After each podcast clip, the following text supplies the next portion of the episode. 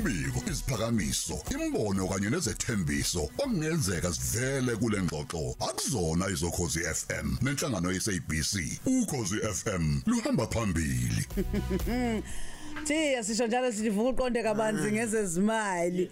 Eh usifiso umfokanala usekhona i-financial coach ungoti noma uchwepheshe noma ngasho ngithi incitha buchopho uma kuziwa ekongiweni noma ekuphatheni kwale mali ngoba hayi madoda eh, mina ngicela ukukhuluma iqiniso wemthiya imali yahlaba imali yancinzana. mina ngathi zazi bani wangixabanisa nayo Eh ah, ifikile nje va ihambe ya- lapho ihamba ayiphelele zonke izinto ngabe ziyakho ey kodwa manje umuntu uyabuka thina sincinzwa imali thina labo singenalutho ngempela ngempela. Bese kuthi abantu abanemali.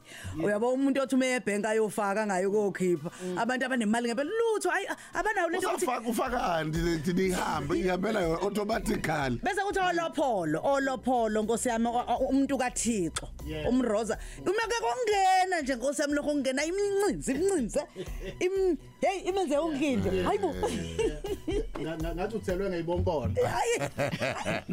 Uma ngale ikhumkane Yes. inji ngasithi umrosa watatazela kangaka.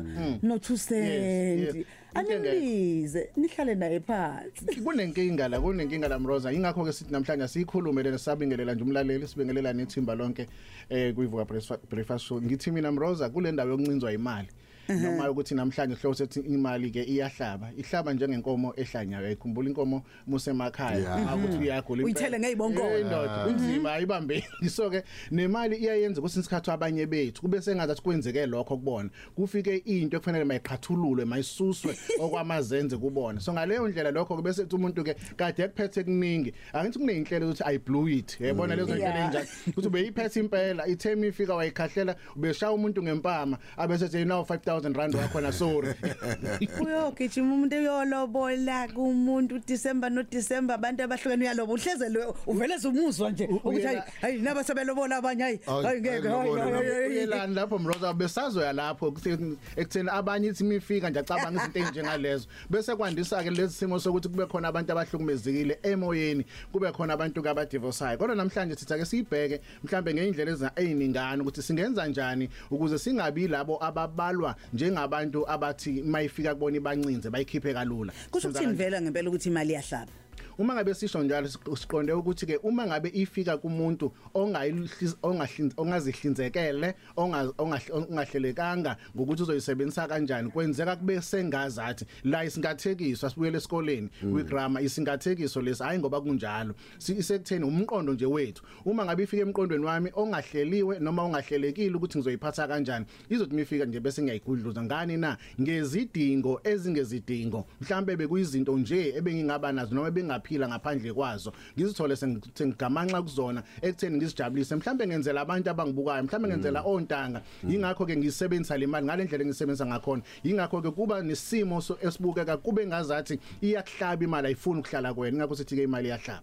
Sukhosi FM nomkhankaso kwenews volume elikhuthaza abantu ukuthi benze izinto kahle phathe kahle uyiqoqa ungabhubhudli kwazona imali kwezinye izinto esisho. Ngifuna ukubheka indaba yakho ukuthi kanti kuphi kumele sikwazi ngokusetshenziswa kwemali? Ngikusho lokho in light of ukuthi ngoba sesithi di- ne- November 1 nje namhlanje sekuzi December already into esingase sisho la siqhemeza mina ebengingendlela engibuka ngakhona eh khona lento yayenzeka emakhaya kudala mhlambe ke eh ayingasenzeki njengamanje. Bekuthi ubaba noma ke insizwa misithola umsebenzi emadolobheni noma isuka emakhaya. Eh uma ehola umholo wakhe woqala Yebo. imvelophu le envelope ebrown Yayihamba nje, injalo. ihamba injalo yakumama nobaba. Ifike kuthiwe mama nobaba nanku umholo.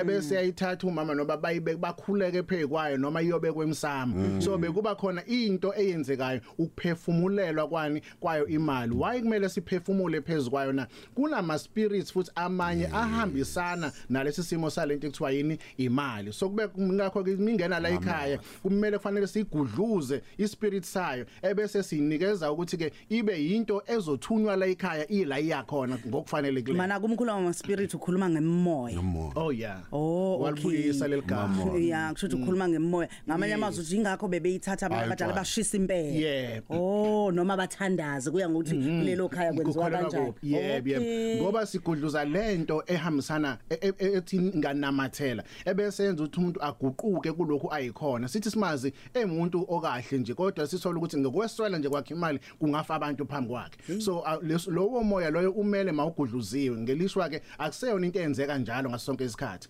Kodwa ke namhlanje mhlambe sizo- sizokusho ngendlela ehlukile. Uma ifika imali ongenani e- emroza akube ukuthi ke sensi game lithi asiphefumulele. Kusho ukuthini kuyiphefumulela kubona uma ungena ugula udokotela uthi phefumula in out udonse umoya. So ayingathi imali mingena ingene bisi yadlula kungaba ngakhona nokuthi ke ume nje kancane uqala ucabange. Lokho oqala ucabange kwakho ikona kuphefumula umthi.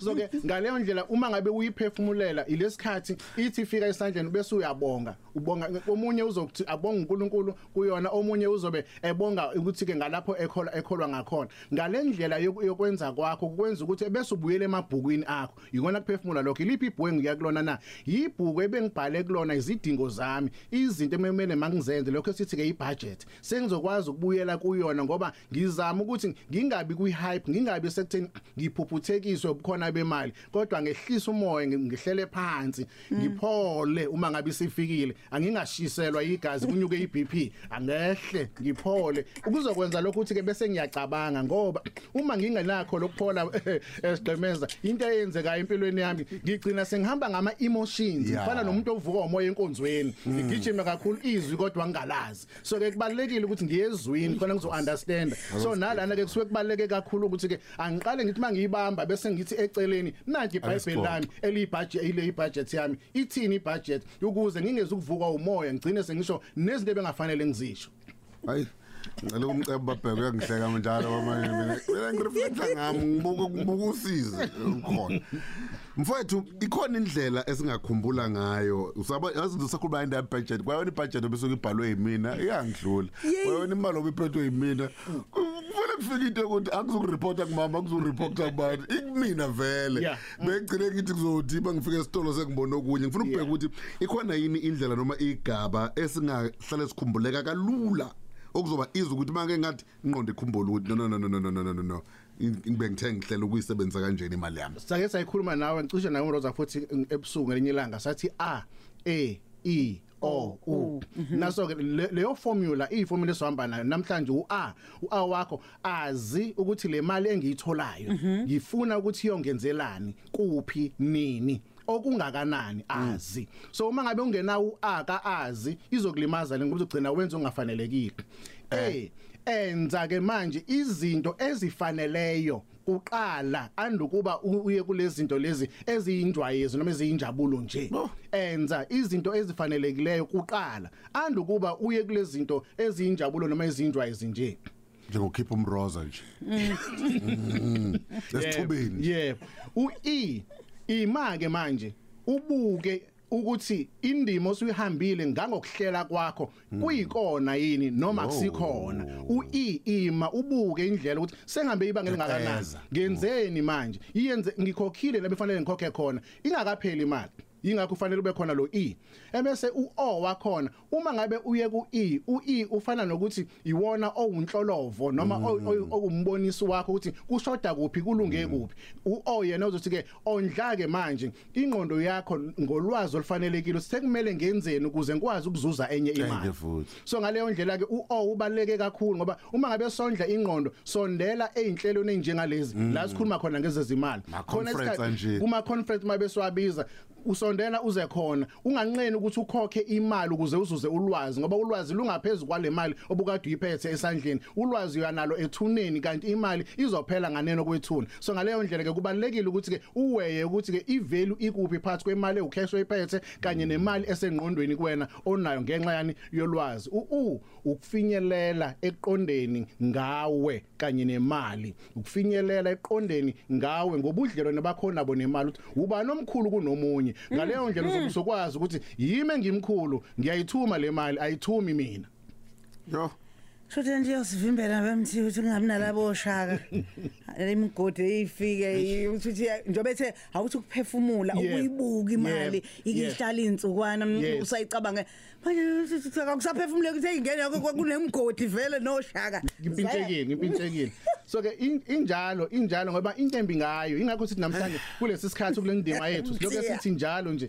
Iyisithunywa ngoba ngalesikhathi wena uyidedela ukuthi kube yiyona ebusa wena uli- uzilimaza wena kakhulu futhi awusalimazi wena. Ulimaza ngisho negeneration yakho Yeah. ukhondolo lolu. So kumele sikuvuse. Vale nje ublock nje. Si- siyaqala manje mhlawumbe kuleli holo zayo ko- kozohola kumanje. Ake ungaqali uyokhokha. Awayiphumele wona nje ama debit order kodwa kuloko kukhesha kuyongena egumbini ke uqala ukukhuleke phe kwakho ke u- ke ke ube nesikhathi sakho nawe kanye nemali. Ngaleyo ndlela wenze njalo. Uzothi uma uphuma ngaphandle ebese uyisebenzisa ngendlela kuyona yona. Sisesikhathini ke se festive esongena kusona kungekudalanga so ngaleyo ndlela uma kodwa siqaphelele lezi zinto lo a e i o u uzokwazi ukufinyelela ekutheni uqonde ubudlelwane bakho nemali. Ulokhu ube inkosi wena yona iblokhu ibe yisithunywa kusho ukuthi kuzosiza mthiya hayi lento kwamrozo kunele kungena itawu nje. Ah, useyandiza ubheke emoli akasa- akasezwa. Yabo zonke lezi zinto lezi kodwa sengiyabona ukuthi kusho ukuthi khona lemoyana yes. Okay hayi bakwethu. Rakha boshatha awu hayi lo mthiya hey usudla imali yakho nje awuyeke izilimi awu umbuze hayi awu umntadlela imali. Mandaya, hayi Shatha suka yabo, hayi hayi hayi hayi usuhamba ngomoya. Hayi Eh, khama, shatha ya- uyena shatha imali ya ndaba. njengoba imali ingena koshaka nje Yes. engasasha amashaka Yeah. iqembu lami engilisapothayo le rap. Cha uyena imali walethe ibekelwe mina siyophumelela kodwa wena osidalile uzocala ukuthi uJesu uzokusiza. Sawuthi siqondo oh baba. Cha usigivile khona. Oh baba nasi ikweletu sami ziyanda ikweletu. Kodwa ke mhlawumbe mangabe sesi- sesiyibuka ngendlela zonke futhi ngingamnikeza nomlaleli o- olifunda ke iBhayibheli Yeah. ayusanayifundele u2 Timothy chapter 6 marada njalo u1 Timothy chapter 6 muqala ku verse 7 ithi nje uma ngabe eh, wena ukumesaba uNkulunkulu kungu- ku- kungukwaneliswa kuphelele kuyikho konke. Bese uverse 9 wakhona ethi ngokuba ukuthanda imali kuyimpande yakho konke okubi. So ngamanye amazwi ukuyithanda akuyona imali eyimpande yakho konke okubi. Yingakho ke moyo namhlanje siveza lento yokuthi uma ngabe kuukuthi ukuyithanda imali kuyimpande yakho konke okubi shuthi ke ukuyithanda kuba yispirit. Ilesi spirit emele sisinqobe. Ukuthi akungabi ispirit esigwinya ngoba uma sisigwinya si evil siyibi lesi spirit. Lo moya kade shiwo umroza iwona ke lo moya esizowubulala ngo IOU ukuze kuhlalo kaThixo ngokaThixo komuntu kungokomuntu. Ngifisa ukuthi mhlambe mroza eh, uma sibuka ngokulandelayo ngi- nginalento ethi sasithe siyayilanda imali. Njengoba silande imali laba bama NPO ngizolokho ngikhulume na- njalo nabo ngoba ngibahlelela ukuthi ngibafundise sigqemezo Yes. siyenza kanjani? Yona naleyo funding naleyo proposal siwenza kanjani? Kungekudala ngamhlanje zobe ngisho nesikhathi sokwenza ngakho kodwa yikhona le nto lapho esohlala sibukana ubuso nobuso siyikhuluma ngeviki elizayo mina bengifisa mrozo ukuthi ke sibuke indleko ezifihlakeleyo. Ngithenga indlu njengoba kuze uDecember khona umuntu ozohambe oyof- oyothenga umuzi. Uma ethenga umuzi khona into ezomthusa abekade engayazi. Uyitshela ukuthi uqualifyile? Yebo uqualifyile. Kodwa khona okuzokuthusa. Ikuphi lokho yilezi indleko ezifihlakeleyo ekumele masizazi? Ngizokwenza example. Kunento ekuthiwa utransfer duty. Yini itransfer duty? Uzoyazi ngeviki elizayo ukuthi sikhuluma ngani uma sikhuluma nge-non core tax ekuyiyona ekulimazayo uma ngabe ungahlelekanga ubuqualify ukuthi uyayithola le ndlu. Kodwa ngeshwa awulungisanga lolu hlangothi olunje- olungapha eceleni. Sekulimaza ibudget yakho kulimaza ukuhleleka kwakho mayelana nale loan ozoyithatha enkulu ebalekile kwena kodwa ke sokhuluma sijule ngeviki elilandelayo. Sibonge kakhulu mfethu bakulandele einkundleni zokuxhumana. Uma bengilandela bangithola lapha ku Facebook kusifisonala the life coach. Eh sifisonala the life coach ulakhe ipage la khona. Noma ke kwesikhathi abanye bangangibheka ku info@nalacoaching.co.za info@nalacoaching.co.za ama email 0837173343 that is i WhatsApp 0837173343 angibonge kakhulu ke kulo ithimba sibonani ngokuzayo ayingabi sasihlaba ke imali manje. Asiyiphefumulele siyaphefumula mthiya. bambeni mina.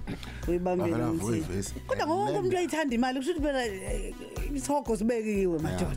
Wonke umuntu uyayithanda imali kusho ukuthi zothi sibheke khona. A lender is a slave to Yes. a borrower. Noma ngayishanga esingisi Osangebolekwa. uhlale eyisiqila salombolekayo shine khali jabula uzibheke lokhozi FM Ukhozi FM. ukhozi FM luhamba phambili It's not